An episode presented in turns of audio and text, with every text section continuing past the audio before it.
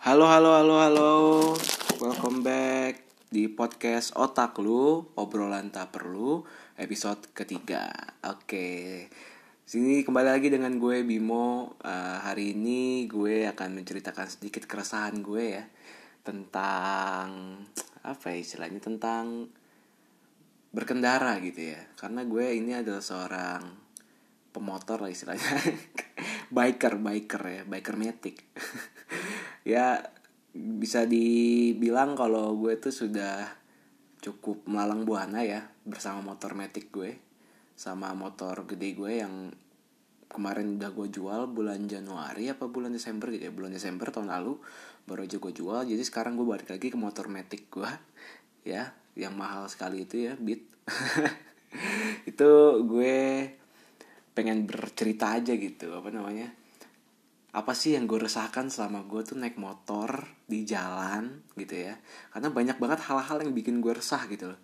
Bikin gue kayak ih gemes gitu loh. Ini orang bisa naik motor apa enggak? Atau enggak kelakuan kelakuan para pengendara lain lah di jalanan gitu. Dan sekarang nih malam ini gue ngerekam sekitar jam setengah sepuluh ya. Setengah sepuluh ini gue lagi di rumah. Um, dan hari ini gue kebetulan gak ke mana-mana karena biasanya gue ke mana-mana pakai motor pasti. Ya entah ngerjain KKN lah atau sekedar nongkrong bareng teman gitu. Tapi ya, kebetulan hari ini gue lagi gak ke mana-mana.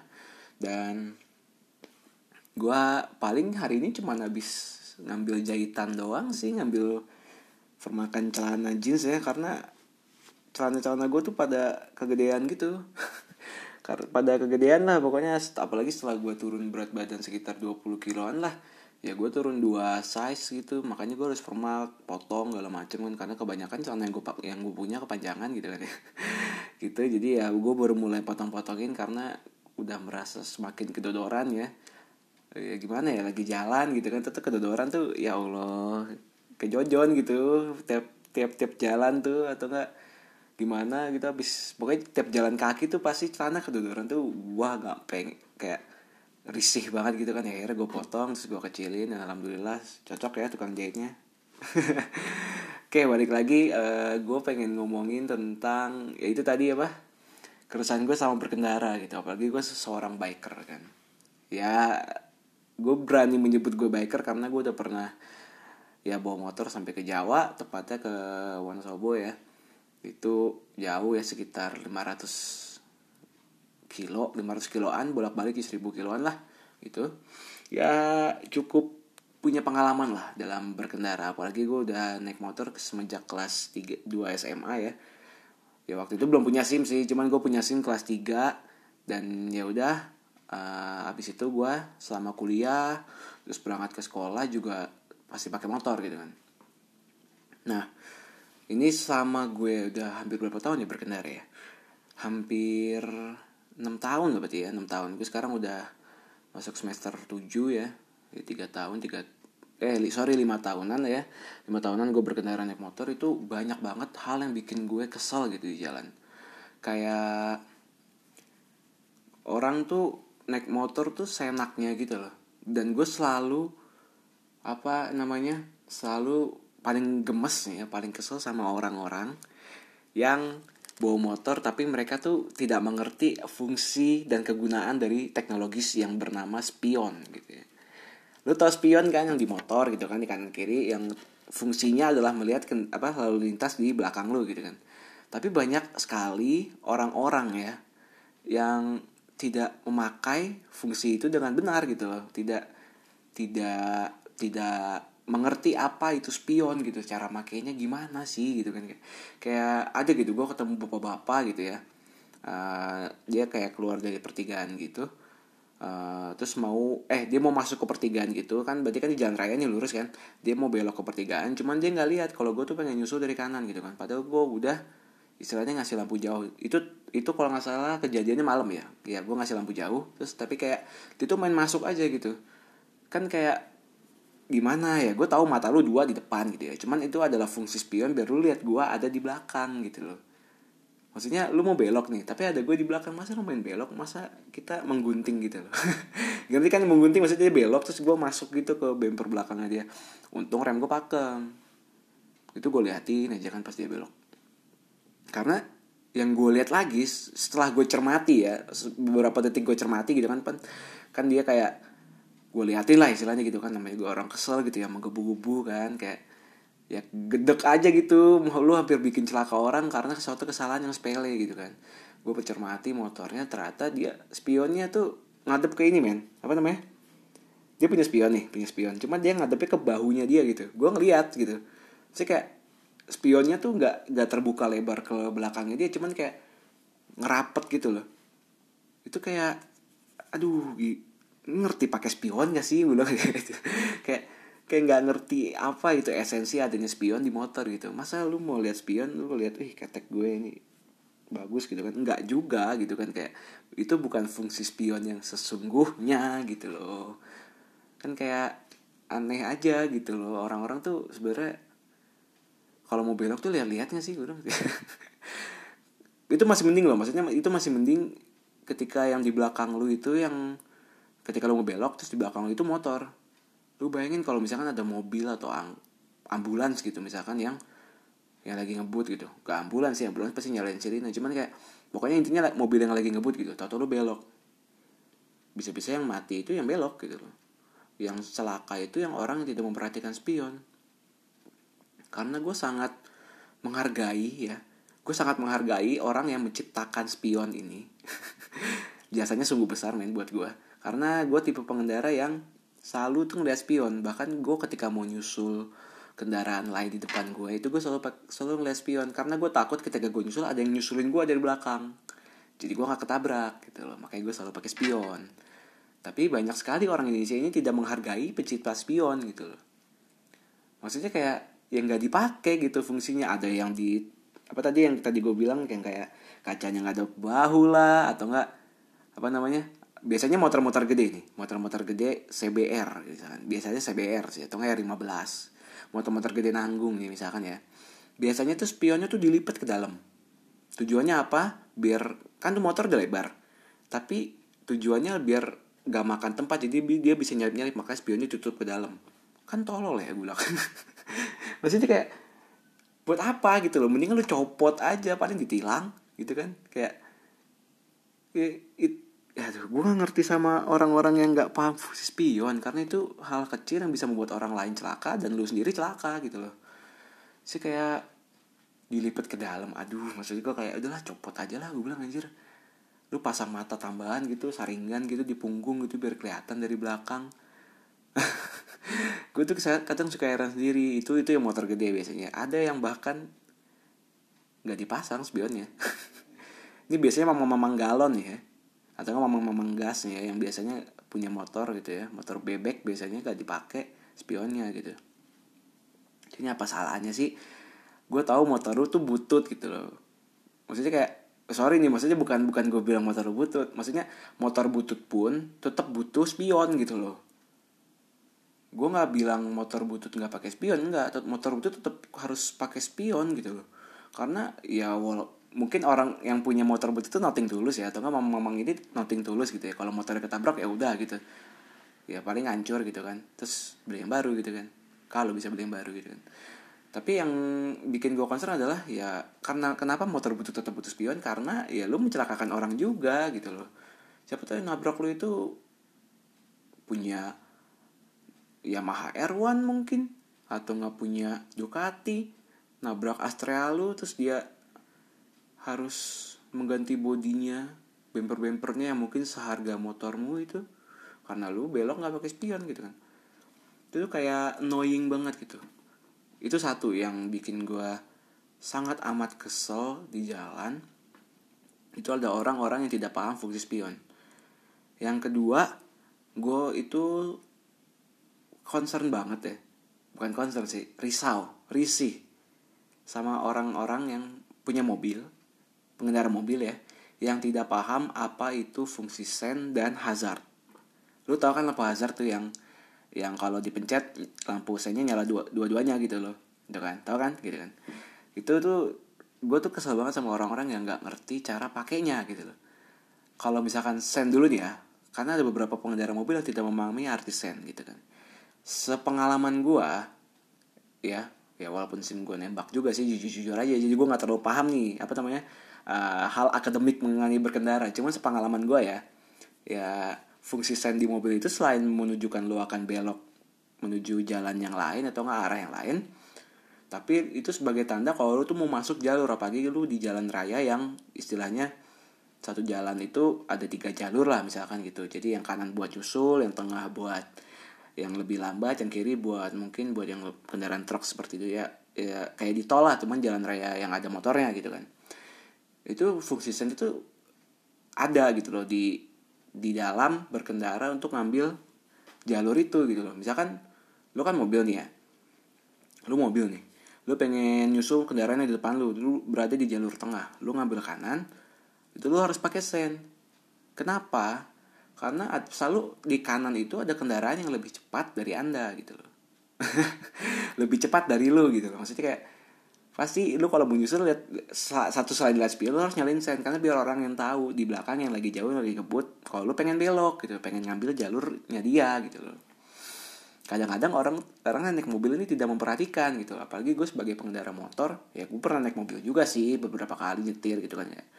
Kayak merasa hampir kecelakaannya gara-gara itu gitu loh. Gue lagi ngebut asik-asik ngebut di kanan gitu atau ada mobil masuk tidak pakai sen dan tidak pakai spion gitu loh dan gue gue terpaksa harus mengerem mendadak gitu loh.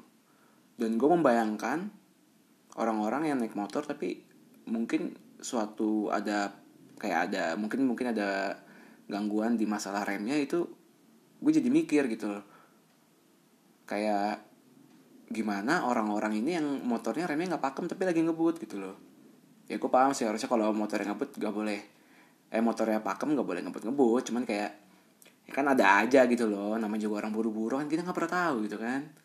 Itu kan kayak bisa aja kalau remnya gabung dia nabrak karena yang celaka bukan mobilnya yang celaka motornya satu lagi. Dan kalau misalkan yang nabrak mobil yang celaka dua-duanya. Jadi menurut gue fungsi lampu sen itu ya lebih dari sekedar lu ingin belok ke mana cuman untuk sekedar ngambil jalur lu, lu perlu sen. Karena lu istilahnya sign kan. Lampu sen itu karena di apa namanya di adaptasi ke bahasa Indonesia jadi SEN kan lampu sen gitu. Cuman dalam bahasa Inggris itu lampu sign gitu. S I G N sign. Artinya menandakan. Anda ingin ke mana naik mobil gitu loh. Ingin ingin belok ke mana? Atau nggak arah anda naik mobil tuh mau ke mana? Itu fungsinya dari lampu sein motor juga sama gitu. Kenapa? Motor dan mobil punya lampu sein gitu kan ya itulah fungsinya lampu sein gitu loh. Dan gue sangat amat risih dengan orang-orang yang tidak mengerti fungsinya itu gitu loh. Karena satu membahayakan dan kedua kelihatan banget simnya nembak gitu loh. Gue juga simnya nembak gitu. Cuman gak bego-bego amat kayak lu gitu loh. Maksudnya kayak di mana pun gue berkendara gue akan selalu profesional lah istilahnya. Anjir gila profesional gitu ya. Tapi emang harus gitu loh. Agar gue tidak mencelakakan orang lain begitu saudara. Jadi pahami ya arti fungsi sein ya. Mungkin para pendengar setia gue yang masih tidak paham fungsi lampu sein tolong ya tolong dengarkan podcast ini dengan baik-baik. Oke? Oke yang abis itu tadi apa? Lampu hazard ya lampu hazard itu yang dipencet lampu seinnya nyala dua-duanya kanan kiri. Ini gue gitu gue sangat bisa menilai orang ini berkendara dari lampu hazard. Karena gue sering banget nemuin orang-orang apalagi naik mobil ya motor kan nggak ada lampu hazardnya coy.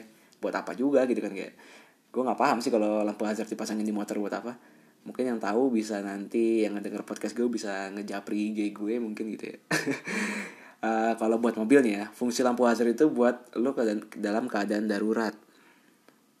Berhenti atau enggak ingin ngerem mendadak. Misalkan di depan lu nih lo lagi ngebut atau ada yang ngerem mendadak lo lampai kalau sempat lo harus nyalain lampu hazard dan lo ngerem. Biar tahu di belakang lo kalau di depan lo itu ada sesuatu yang luar biasa gitu loh. Yang bisa mencelakakan orang banyak gitu. Itu yang pertama fungsi lampu hazard. Terus menurut gue menurut gue ya gue nggak tahu nih menurut NTMC Polda ini bener apa enggak cuman kalau menurut gue lampu hazard itu fungsinya adalah ketika lo berhenti di pinggir tol atau di pinggir jalan raya yang lagi rame. Karena itu menandakan bahwa lo itu berhenti bukan parkir gitu loh karena emang sesuatu yang darurat lo harus berhenti dan menepi atau enggak mm, amit-amit ketika mobil lo lagi mogok tapi posisi di tengah jalan gitu. Nah lo baru lah nyalain lampu hazard gitu loh. Karena biasanya ya mobil kalau mogok kelistrikannya masih jalan. Yang pasti itu lampu hazard masih bisa nyala gitu kan. Jadi uh, lo harus nyalain lampu itu ketika dalam keadaan darurat atau mobil lo mogok gitu di tengah atau di pinggir jalan biar nandain biar orang tuh nggak kesel sama lo dari belakangnya. Orang ngapain sih berhenti tengah jalan? Oh pakai lampu hazard berarti mungkin mobilnya mogok. Atau nggak ada sesuatu yang lain mungkin banyak bocor segala macem. Ya itulah fungsi lampu hazard gitu simple fungsinya. Cuman banyak orang ini explore ya. Istilahnya explore dan memperbanyak fungsi lampu hazard tapi di ranah yang salah gitu loh. E, gini deh lu pasti pernah naik mobil di tol terus kondisinya hujan lebat. Hujan badai lah istilahnya ke hujan lebat gitu. Dan dulu lihat di depan lu itu nyalain lampu hazard. Sekarang gue tanya fungsinya buat apa? Apakah itu membantu orang yang di belakang agar menandakan sesuatu gitu ke orang yang di belakang gitu? Kan enggak kan? Mesti kayak lu nyalain lampu hazard nih. Terus apa ya pesan yang mau lu sampaikan ke orang yang di belakang lu gitu nandain wah ini lagi hujan terus gak kelihatan apa apa sama yang belakang juga gitu loh. Tapi dengan lampu rem pun mobil lu udah kelihatan gitu loh. In case lampu lampu lampu apa lampu belakang mobil itu harus selalu nyala ya nggak boleh mati. Ya itu itu udah kewajiban lah lo kalau punya mobil kalau lampu belakang lo mati harus segera diganti gitu kan. Ya maksudnya kalau lagi hujan terus gitu fungsinya lu nyalain lampu hazard tuh apa gitu. Lu nggak memberikan informasi apa apa ke belakang. Orang semua orang tahu lagi hujan lebat gak bisa jarak pandangnya terbatas gitu. Cuman buat apa? Terus tau tau yang gue bilang tadi dia main masuk jalur tapi lampu hazardnya masih nyala. Ini lo mau belok ke kanan mau belok ke kiri. Mau ngambil jalur yang kanan apa ngambil jalur yang kiri? Gitu loh. Uh, kan jadi bingung kalau lampu saya nyala dua-duanya. Lu mau belok ke mana sih? Gue bilang gitu. Gue tuh kesel banget kadang-kadang. Makanya gue kalau misalnya lagi hujan lebat naik mobil gue nggak pernah nyalain lampu hazard men karena nggak guna gitu loh. Nggak ada pesan yang ingin yang bisa gue sampaikan ke orang di belakang gue gitu ya semua orang tahu lagi hujan terus gitu. Lu ngapain nyalain lampu hazard biar kelihatan. Kan tetap lampu rem tuh kelihatan sih. Maksudnya gue kayak gitu. Makanya orang tuh suka mengekspor hal-hal yang sebenarnya tidak di situ gitu. Yang yang fungsinya bukan di sana tapi orang pakai gitu. Kan kan bodoh gitu loh. Jadi kayak ih menggelitik lah istilahnya. Ada lagi yang pakai lampu hazard itu buat nyebrang. Misalkan di perempatan nih tapi lu mau lurus. Tapi lu nyalain lampu hazard. Buat apa? Buat apa lu nyalain lampu hazard kalau lu di perempatan tapi mau lurus nggak usah sih. Nggak usah nggak perlu nyalain. Lu kan nggak mau belok kanan nggak mau belok kiri. Lurus ya udah gak usah dinyalain lampu sennya. Susah amat gue bilang gitu kan orang tuh kayak orang tuh tahu gitu loh di perempatan cuma ada dua belokan kanannya kiri gitu. Lo mau belokin berapa lagi sih? Gue bilang gitu. ya, kalau mau belok kanan nyalakanlah sen kanan. Kalau mau misalkan mau belok kiri nyalakan sen kiri. Kalau nggak mau belok ya udah nggak usah nyalain gitu loh. Nggak perlu inisiatif lu nyalain lampu hazard gitu. Nggak perlu lu inisiatif yang lampu sennya tuh perlu dinyalain dua-duanya tuh nggak perlu gitu loh. Gue sampai kesel sendiri wow ada notif. Maaf teman-teman. Belum di mute Oke, jadi tuh gue kesel tadi sama orang-orang yang pakai lampu hazard gitu loh. Tadi kondisinya tidak tepat. Terus yang ketiga nih ya. Ini salah satu yang ultimate menurut gue. Cukup ultimate. Gue gak pernah ngerti apa yang ada di otak ibu-ibu ketika mereka menaiki sebuah motor gitu. Itu ada napot racingnya kalau kalian denger dari mic. Itu berisik banget, annoying banget. Gitu kan tadi sampai mana gue? Oh iya gue tuh nggak pernah ngerti kenapa apa yang ada di otak ibu-ibu ketika mereka berkendara gitu. Terlebih naik motor. Naik mobil pun juga sama sebenarnya sih. Jadi kayak gue tuh nggak ngerti apa yang ada di otaknya gitu loh. Mereka tuh naik motor ya. Iya naik motor. Udah bener sih. Ada beberapa yang benar ada beberapa yang brutal ya. Tapi yang bener pun kadang-kadang ngeselin gitu loh. Mereka tuh pelan pelan tapi di kanan di tengah. Seharusnya tuh kalau mereka ingin pelan ya di kiri gitu loh. This is not UK this is not US eh UK UK jalur kiri ya lupa. Pokoknya bukan di Eropa bukan di Barat gitu. Kalau mau pelan di kiri. Karena kita pakai jalur kiri gitu loh. Bukan jalur kanan kayak di Amerika gitu loh bu. Gitu loh maksudnya kayak kenapa ya udah bener sih nggak salah. Sebenarnya kalau menurut standar kecepatan yang ditetapkan oleh lalu lintas gitu itu nggak salah sebenarnya. Cuman jangan di kanan gitu loh. Karena anda me, karena anda itu berada di kecepatan yang minimal di jalur yang kecepatannya maksimal gitu loh. Ngerti nggak maksud gue kayak kayak ya lu naik motor pelan tapi di kanan gitu loh. Kan annoying ya orang harus nyari lewat kiri. Mending kalau jalannya gede kalau jalannya kecil kan nggak bisa gitu loh. Dan kadang nggak jelas arahnya ke mana. Lempeng lempeng aja gitu lurus. Nyalain sen tapi nggak belok. Lu udah, udah pada tahu lah pasti kalau ibu-ibu ngesen kiri atau beloknya ke kanan. Itu udah klasik lah. Gitu sih kayak tapi kenapa tidak pernah ada perubahan gitu loh dari kaum ibu-ibu ini gitu loh. Gue bukan diskriminasi ke ibu-ibu ya. Mudah-mudahan pendengar gue atau audiens gue yang yang terutama gendernya wanita ya gue tidak mengecap kalian sebagai pengendara yang buruk enggak. Tapi tolong kalau udah gede jika kalian sudah berkeluarga dan punya motor istilahnya udah tua lah udah jadi ibu-ibu tolong jangan ngagokin. Ini gue minta tolong ya. Gue nggak mau anak gue mengeluh sama seperti gue yang sama seperti yang gue lakukan sekarang di podcast gue ini. Ya tolong ini tolong banget ya. Gue tidak mendis, tidak mendiskriminasikan gender. Cuman gue nggak ngerti aja apa yang ada di otak ibu-ibu gitu ketika naik motor gitu. Gue tahu maksudnya kayak ibu-ibu tuh nggak bisa ngebut-ngebut biasanya gitu. Naik motor nggak bisa ngebut-ngebut biasanya. Cuman kayak ya jangan di kanan atau enggak jangan ngagokin lah jangan di tengah-tengah gitu. Banyak orang yang lebih urgent gitu. Di belakang lu gitu masih banyak yang urgent. Mungkin ada yang mau lulus mau tes SBM lah pagi-pagi telat dihalangin sama lu kan repot atau misalkan ada ambulans. Gue pernah nih ya kejadian ada ambulans nggak bisa lewat karena ibu-ibunya ini tetap di tengah. Dan nggak mau ngasih jalan. Kayak kayak santai gue ya tuh naon di belakang mah ini gitu kan. Kayak nggak ada apa-apaan gitu di belakang. Kayak nggak peduli gitu. Kayak sense of belonging itu berkurang ketika mereka sudah megang stang motor gitu. Sih kayak ih gemes gue tuh. Di kiri bu bu kalau gue bisa naik motor mending berhenti lah bu ibu berhenti naik gojek sok atau naik gojek gitu dan naik grab bebas lah pokoknya jangan bawa motor ibu. Tuh saya dulu saya sampai kesel ini bu. Gitu ya. Tolong buat para ibu-ibu pahami itu apa fungsi sen dan batas kecepatan ya ibu tolong ya. Dan jangan ngagokin gitu loh. Jadi uh, berkendara itu bukan cuma sekedar buat ibu aja tapi buat pengendara lainnya. Ibu kan naik motor nggak sendiri di jalan ibu gitu kan kayak ih gemas gitu kadang-kadang. Jadi pahami fungsi lajur dengan baik ya gitu. Terutama untuk para audiens gua yang sering pakai motor di jalan. Jangan ngagokin lu tuh kalau di jalan tuh harus yakin gitu loh. Lu tuh mau belok ke mana lu mau ngambil jalur yang mana. Mungkin kalau tersesat lu bisa berhenti dulu lihat map baru jalan lagi. Atau enggak lu pakai kalau pakai motor ya biasanya pakai motor uh, lu boleh pakai headset di motor menurut gue. Menurut gue lu boleh pakai headset di motor tapi ya volumenya kecil. Tapi untuk maps tolong bisa bisa digedein gitu. Karena itu tidak terlalu mengganggu sih menurut gue. Tidak terlalu mengganggu ketika lo naik motor. Pakai headset kan banyak kan sekarang headset headset. Atau nggak earphone earphone yang wireless itu lebih enak gitu kan. Nggak usah pakai kabel nggak usah nyang nggak perlu nyangkut di mana mana kalau naik motor. Itu bisa tapi kalau misalnya lo masih pu cuma punya earphone yang yang masih pakai kabel ya masukin aja ke jaket gitu jadi nggak nyangkut ke mana-mana gitu. Ya.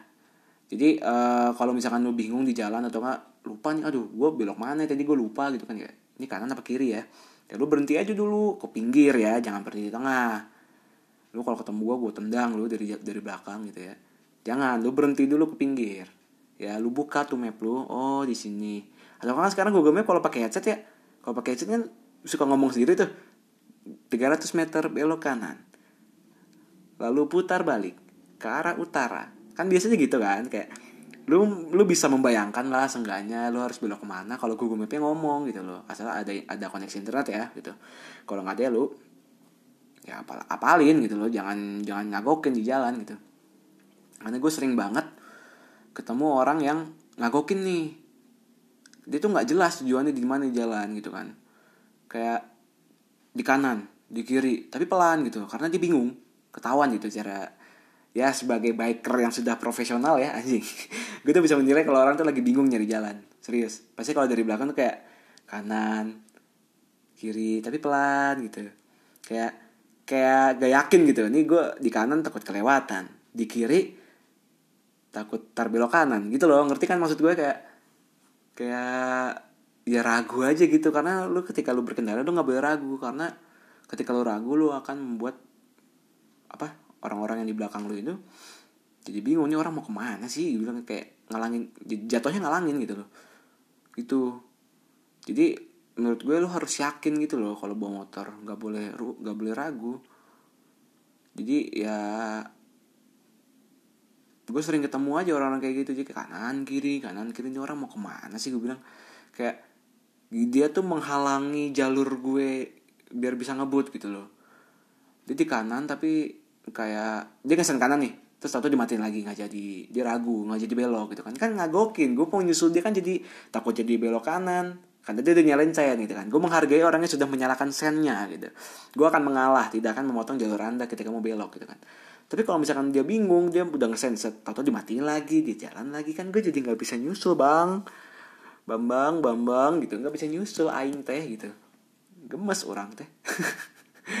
Jadi kayak kalau kalian berkendara tolonglah yakin. Jangan ragu jangan jangan bingung ya apalagi eh, jangan bingung dah. Pokoknya lu harus fokus di jalan. Ya. Karena itu membuat gue resah banget ya. Oke, mudah-mudahan audiens gue paham ya. Gitu. Karena ini uh, mungkin di episode ketiga ini gue agak sedikit mengeluarkan unek-unek sekaligus amarah sedikit ya, walaupun gue ngomongnya masih senyum-senyum. Cuman ya gondok gitu, lo ngerti gondok kan? ya udahlah, ini kayak lu kesel cuman ya udahlah gitu, udah lewat gitu kan. Saatnya kita memberikan manfaat ke orang lain biar tidak mengulangi apa yang kita lihat di jalan gitu loh ya udah gitu cuman agak gondok aja sih ngomongin ginian karena gue kesel hampir tiap hari ketemu kayak gitu nah tapi tadi sampai mana gue ya oh ya sampai itu tadi ya bingung ya. Terus apa lagi yang bikin gue resah ya? Kayaknya banyak deh nggak cuma tiga. Karena karena gue naik motor tuh kadang-kadang suka nemu aja orang-orang yang unik gitu loh. Nggak sering sih cuman unik aja gitu. Kayak bikin orang ngagokin terus pengen nampol gitu kayak apalagi ya, ya itu sih tadi yang paling gue bikin gatel biasanya spion gitu. Biasanya dia main serabat kanan serabat kiri serabat kanan serabat kiri. Cuman dia nggak belok eh nggak belok. Nggak belok atau nggak nggak nyalip dong atau nggak nyalain sen gitu loh. Nggak lihat belakang juga nggak lihat spion. Jadi kayak di belakangnya tuh kayak keselin gitu. Serasa dipepet. Si istilahnya dipepet ini ke orang gayaan banget. Sih bawa motor gitu. Mau mau dibilang apa sih bawa motor kayak gitu gitu kan. Kayak tuh pengen banget ketika gue salib gue benerin spionnya gitu loh. Cuman gue nggak jago ya. Gue takut ada kecelakaan ketika gue benerin spionnya dia. Amarah yang berujung petaka gitu ya. Gue nggak mau kayak gitu jadi gue biasanya ya paling gue lihat terus gue cabut lagi gitu kan. Gitu. Paling main reason gue itu ya paling itu sih. Uh, si spion sama lampu sen gitu. Sama ya jangan ngaku gitu lah kalau di jalan. Oh iya ini gue ada satu lagi yang bikin gue gondok ya. Ini gue tidak mendiskriminasikan ibu-ibu cuman gue terakhir jatuh karena ibu-ibu ya. Tolong dibedakan. Dan gue selalu jatuh karena ibu-ibu ya mohon maaf nih selalu jatuh karena ibu sekali sama bocil lah. Ya kalau bocil ya ya diomelin bisa gitu loh. Kalau ibu-ibu diomelin gue takut dosa gitu loh. Ngerti gak sih kayak ibu-ibu adalah orang yang paling lu hormati di rumah gitu. Ibu lu atau enggak istri lu atau enggak pacar ya pacar pacar jangan serumah dulu ya. Gitu. Salah kan gue. Gue ibu atau istri lu gitu kan. Lu, lu menghormati seorang wanita yang ada di rumah lu gitu kan dan gue ketika pengen ngomel-ngomel sama ibu-ibu tuh kayak kadang-kadang gue nggak bisa gitu loh. Karena gue jujur kayak seenggaknya ya gue masih menghormati seorang perempuan lah di jalan gitu. Ya bijak dikit lah ya. Gue jujur nih gue nggak bisa marah-marah soalnya kalau ibu-ibu nabrak gue. Apalagi tanpa dia tabrak gue jadi jatuh. Karena terakhir gitu gue nggak ketabrak. Ini ini posisinya ibu-ibu ini tuh lagi jalan gitu. Eh lagi jalan lagi nyebrang. Di perempatan yang rame. Eh di pertigaan yang rame. Gue lagi ngebut kan di kanan. Tau-tau dia nak tau-tau dia masuk. Gue ngerem dong. Sih kayak persatu dia nyebrang tidak lihat kiri. Karena kan udah setengah jalan dong. Kan dia udah pasti lihat kanan. Kanan udah berhenti kan. Dia nggak lihat kiri main masuk aja. Dia nggak tahu kalau misalnya di kiri itu ada kendaraan yang lagi ngebut karena pada dasarnya adalah uh, ini gue potong dulu sebentar. Gue pengen ngasih suatu informasi yang mungkin kalian nggak tahu. Ini beneran informasi yang valid karena bokap gue dulu tes sim dan gue udah tanya ke dia. Ya, menurut menurut Polda dikutip dari lalu lintas Polda ya ya ujian tes sim gitu. Loh ketika anda di sebuah perempatan atau pertigaan dan anda ingin belok misalkan dari ya lu misalkan di satu titik perempatan gitu ya lu mau belok ke kanan lu harus utamakan yang lurus. Kan perempatan misalkan perempatan nih ya ada perempatan lah gitu kan pasti ada orang yang mau lurus doang kan. Lu harus utamain yang itu. Lu nggak bisa men. Lu nggak bisa main langsung motong gitu mentang-mentang perempatan gitu ya semua orang bisa semua orang harus pelan lu nggak bisa kayak gitu tetap karena menurut lalu lintas yang baik lu harus mendahulukan orang yang jalurnya lurus di perempatan atau di sebuah persimpangan gitu. Lu tuh harus lurus. Mengutamakan yang lurus maksudnya. Karena yang belok tuh harus selalu ngalah gitu loh. Gak bisa gitu. gak bisa lu main motong aja tuh atau yang dari arah lurus misalkan nyerempet lu, lu marah-marah lu tuh gak bisa. Lu yang salah pasti.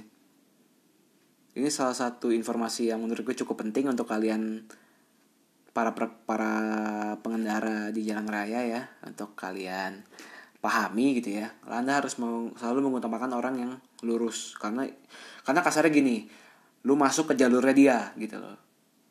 Sama aja kayak bertamu gitu loh men. Eh sama aja kayak bertamu kan. Ya sama aja kayak lu ke taman orang lah gitu misalkan kan kayak lu mau masuk ke tamannya dia cuman atas harus atas izin dia dulu gitu kan. Kalau misalnya dia nggak ngasih ya lu jangan masuk gitu loh kecuali kosong. Maling dong kalau kosong. Intinya gitu dah gue bingung analoginya kayak gimana baru paham. Baru pada paham gitu. Intinya jangan ya lu harus ngalah sama yang lurus gitu. Lu nggak bisa main belok aja gitu. Karena lo masuk jalur dia gitu loh. Lo mau mau nggak mau harus nunggu dia ngasih atau nggak nunggu kosong gitu loh. Nggak bisa nggak bisa lo main masuk aja. Karena akan menimbulkan kecelakaan. Itu. Nah balik lagi ke kecelakaan gue nih ya tragedi. Waktu itu gue ketabrak bukan ketabrak sih gue jatuh di Cimahi kalau nggak salah. Iya Cimahi oh ya buat yang nggak tahu para pendengar gue gue tinggal di Bandung ya sekarang ya. Udah mulai dari 2019 kemarin pertengahan tahun 2019 kemarin gue pindah ke Bandung. Karena di Jakarta udah gue jual rumah udah nggak udah nggak ada tempat tinggal istilah di Jakarta jadi gue pindah ke Bandung. Nah waktu itu gue jatuh di Cimahi ya di Cimahi. Posisinya gue lagi ngebut di jalan lurus gue ya gue lagi lurus nih lagi nggak tahu misalnya mau ada yang nyebrang karena ketutupan macet sebelah kanan gitu kan. Jalannya luas dua jalur menurut gue luas lah. Buat ukuran jalan raya itu menurut gue luas. Tahu-tahu ada ibu-ibu masuk. Nggak pakai lihat kiri dulu. Otomatis ketika dia keluar gue refleks dong. Gue narik rem. Tapi kondisi itu lagi ngebut banget. Gue kecepatan 60 apa 70 gitu. Ya intinya anginnya sampai bunyi lah di helm lu. Kan kenceng ya gitu jadi kan ya udah dengan refleks gue narik rem. Cuman sayangnya karena itu terlalu dekat gue mencoba sambil menghindar juga. Tapi jadinya gue lost balance ya akhirnya gue jatuh keseret ya ya 5 meter 10 meter lah gitu. Untungnya gue full gear kan maksudnya jaket celana panjang sepatu sarung tangan. Jadi alhamdulillah yang luka luka ya sedikit gak banyak banyak amat gitu loh. Jadi kayak ya alhamdulillah lah gitu. Tapi ya kan gue kesel juga ya. Gue jadi jatuh karena bukan nabrak gitu loh kayak kesannya gue yang salah gitu loh. Mana ibunya nggak bantuin gue pas gue jatuh mencabut gue ini gitu loh. Sih kayak ya kesel aja gitu loh. Kalau di mana pun kalau lu mau nyebrang atau mau ya harus lihat kanan kiri gitu kalau lagi ngebut lu harus lu harus belajar memperkirakan speed kendaraan-kendaraan yang ada di jalan raya itu. Karena kalau lu nggak bisa perkirakan ketika mereka lagi ngebut dan lu maju itu bisa gimana ya satu kalau misalkan tau-tau lu mis miscalculation gitu ya salah perhitungan tau-tau mobil dekat dan lu nggak sempat menghindar atau nggak mobilnya yang tau-tau ngebanting setir dan dia nabrak. Intinya uh, etika berkendara er, etika berkendara dan di jalan raya itu sangat penting lah istilahnya gitu. Karena untuk keselamatan orang juga gitu. Keselamatan kita di jalan keselamatan orang juga gitu. Jadi jangan gerasa kerusuk lah gitu. Lihat kanan kiri dulu kayak seenggaknya lu ngumpet boleh cuman jangan jangan gerasa kerusuk gitu loh. Tetap harus lihat kanan kiri tetap gitu. Makanya kayak itu yang harus lu pahamin ya. Kalau misalkan lu tuh harus ngalah sama orang yang lurus. Punya jalur yang lurus gitu. Karena ibaratnya lu masuk ke jalur dia gitu. Nyebrang juga sama kayak gitu. Intinya kita jangan nafsuan deh ngalah deh tolong ya ngalah gitu. Karena kalau nggak ngalah sama kayak gue ntar jatuh. Yang kasihan gue ibu-ibunya mah gak jatuh karena gue nggak mau mencelakakan orang lain juga. Mending gue jatuh sendiri daripada gue ketabrak motor gue makin rusak. Motor dia juga rusak. Jadi lebih baik saya jatuhkan sendiri. Karena juga siapa juga yang mau jatuh gitu kan. Itu kayak ya gue menghindari aja in case yang lebih buruk gitu kan. Ya udah makanya gue gue menghindar. Untungnya nggak jauh-jauh ke nggak parah-parah banget kecelakaannya gitu. Cuman tetap aja gue kesel gitu loh. Karena apa ya uh, dari semua hal yang tadi udah gue bahas mengenai hal-hal keresahan-keresahan gue dalam berkendara dan sekaligus gue memberikan beberapa informasi yang menurut gue harus lu catet. Bukan ya catat terserah kayak kuliah gue jadinya. Ya harus catat atau harus pahami lah minimal gitu. Itu karena uh, gue menyadari bahwa banyak orang yang sudah paham aturan berkendara, cuman mereka nggak tahu etika berkendara. Bedain ya, aturan berkendara sama etika berkendara. Apa bedanya? Aturan berkendara itu adalah gue bingung definisinya gimana. Cuman kayak istilahnya kelengkapan syarat-syarat lu untuk bisa layak di jalan raya seperti helm atau nggak jaket, sabuk pengaman, terus apa namanya ya intinya itu sih helm dan sabuk pengaman sepatu sih kalau misalnya lu mau proper naik motor tuh harus pakai sepatu gitu. Naik mobil serah sih gue naik mobil nyeker kadang. Pokoknya aturan berkendara tuh itu. Hampir semua orang tahu kalau misalnya mereka tuh kalau naik motor harus pakai helm. Ya mungkin ya mungkin beberapa orang ada yang lupa ya. Gue bilangnya lupa. Karena semua orang udah pasti tahu kalau naik motor harus pakai helm. Sarung tangan. Terus istilahnya untuk safety lah kalau aturan apa namanya aturan berkendara itu.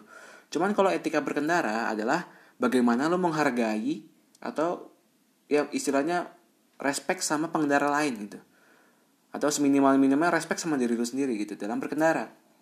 Karena kalau misalkan lu nggak paham etika berkendara gitu ya lu merasa punya jalan sendiri yang namanya bisa dibilang itu egois dan yang namanya egois itu tidak beretika. Paham gak mau gue? Paham kan maksud gue? Jadi kayak etika berkendara tuh bagaimana lu menghargai mentreat apa pengendara orang lain? Karena yang berkendara nggak lu doang gitu.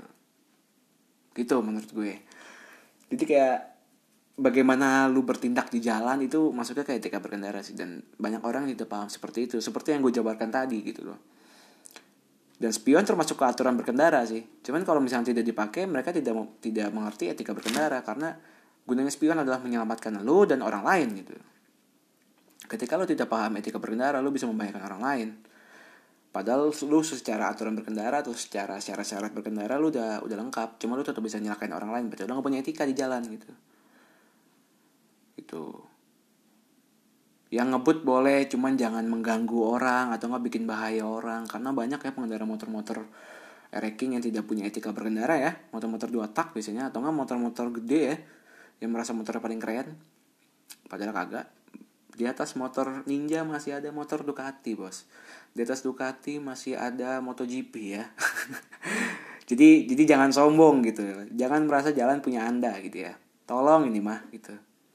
Jadi kayak uh, biasanya motor-motor gede ini tidak paham etika berkendara. Mereka udah pakai spion udah pakai sen cuman mereka ngebut ngebut ya. Terus orang-orang yang istilahnya nggak salah apa-apa di jalan sudah benar menurut gue. Itu dia songong jatuhnya.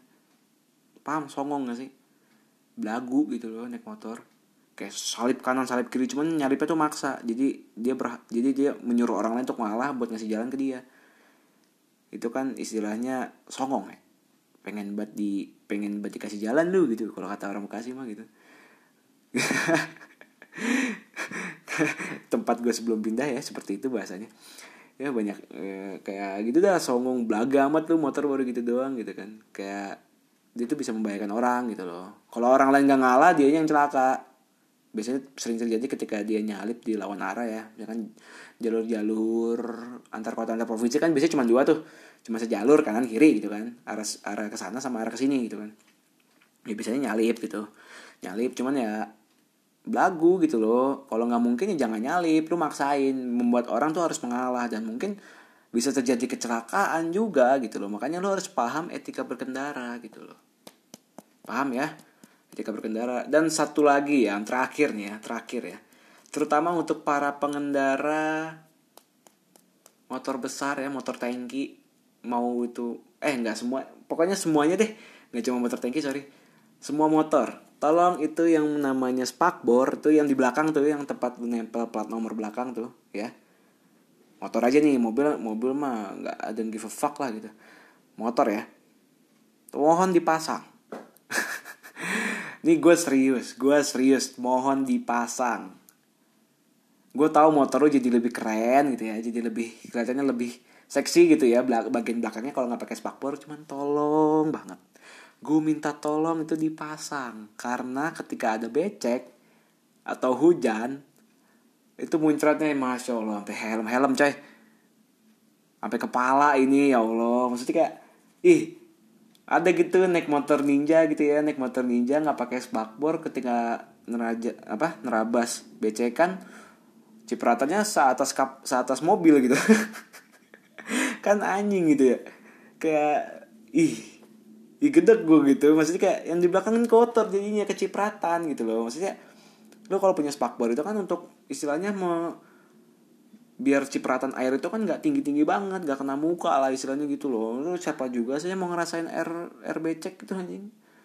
Air kobokan di jalan itu kan gak ada yang mau coy. Gitu masa lu cipratin lu nggak ada etika banget gue bilang gitu. tolong tidak ada etika anda ya kalau tidak dipasang spakbornya jadi mohon sebagus bagusnya motor anda ya. Motor juga dirancang. Desainer motor juga merancang adanya spakbor tapi tetap memperhatikan estetika gitu ya. Jadi mereka sudah memperhitungkan fungsi, fungsi spakbor dan dis, apa namanya penampilan spakbor agar tetap bagus gitu dan tetap berfungsi sebagai fungsi sebagaimana mestinya gitu. Jadi tolong dipasang ya terakhir gue ini karena gue benci banget kecipratan apalagi kalau gue, gue lagi pakai baju yang cerah gue udah pelan pelan tapi lu lu jalan pelan aja nyipratnya bisa sampai badan gue gimana lo ngebut gitu ya. Makanya tolong dipasang ya. Mohon buat ini mah ya. Apalagi untuk para pendengar gue yang punya motor-motor gede ya tolong dipasang ya. Gue tidak mau para pendengar setia gue di otak lu ini tidak tidak punya etika dalam berkendara gitu ya.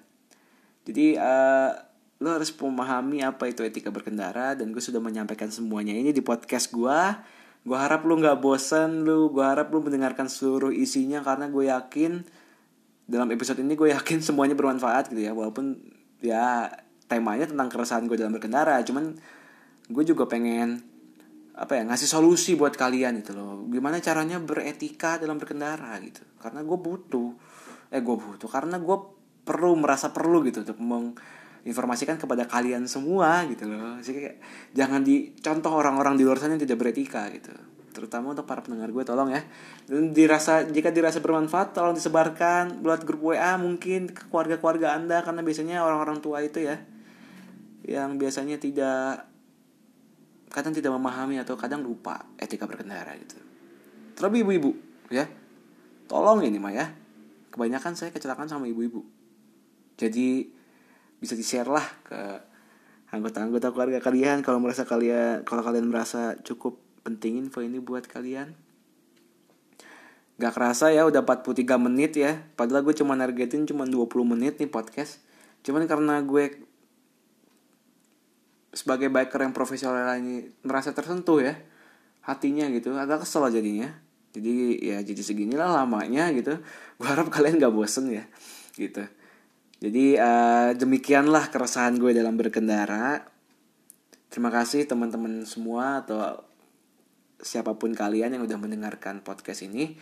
Uh, stay tune terus di episode selanjutnya karena masih banyak lagi keresahan-keresahan gue yang akan gue sampaikan dan di episode selanjutnya mungkin gue akan banyak collab uh, bareng teman-teman gue entah intinya podcast ini tentang membahas keresahan-keresahan lah gitu. Jadi membahas membahas keresahan gitu. Jadi keresahan kan luas gitu. Jadi gue pengen ngajak teman-teman gue berbagi sudut pandang gitu loh. Karena mungkin keresahan yang gue alami mungkin masih lebih mending dari keresahan yang mereka alami gitu dan mungkin gue nggak tahu kalau misalkan orang itu sebenarnya merasakan hal tersebut gitu. Jadi gue pengen bertukar pandangan dan mungkin ke depannya gue banyak bakal banyak collab sama teman-teman gue sama kenalan gue jadi uh, terima kasih buat semuanya yang udah dengerin semoga bermanfaat semua ya podcast yang udah gue curahkan selama 45 menit ini oke okay. Sehat selalu semuanya. Stay tune di podcast otak lu. Obrolan tak perlu. See you on next episode. Bye.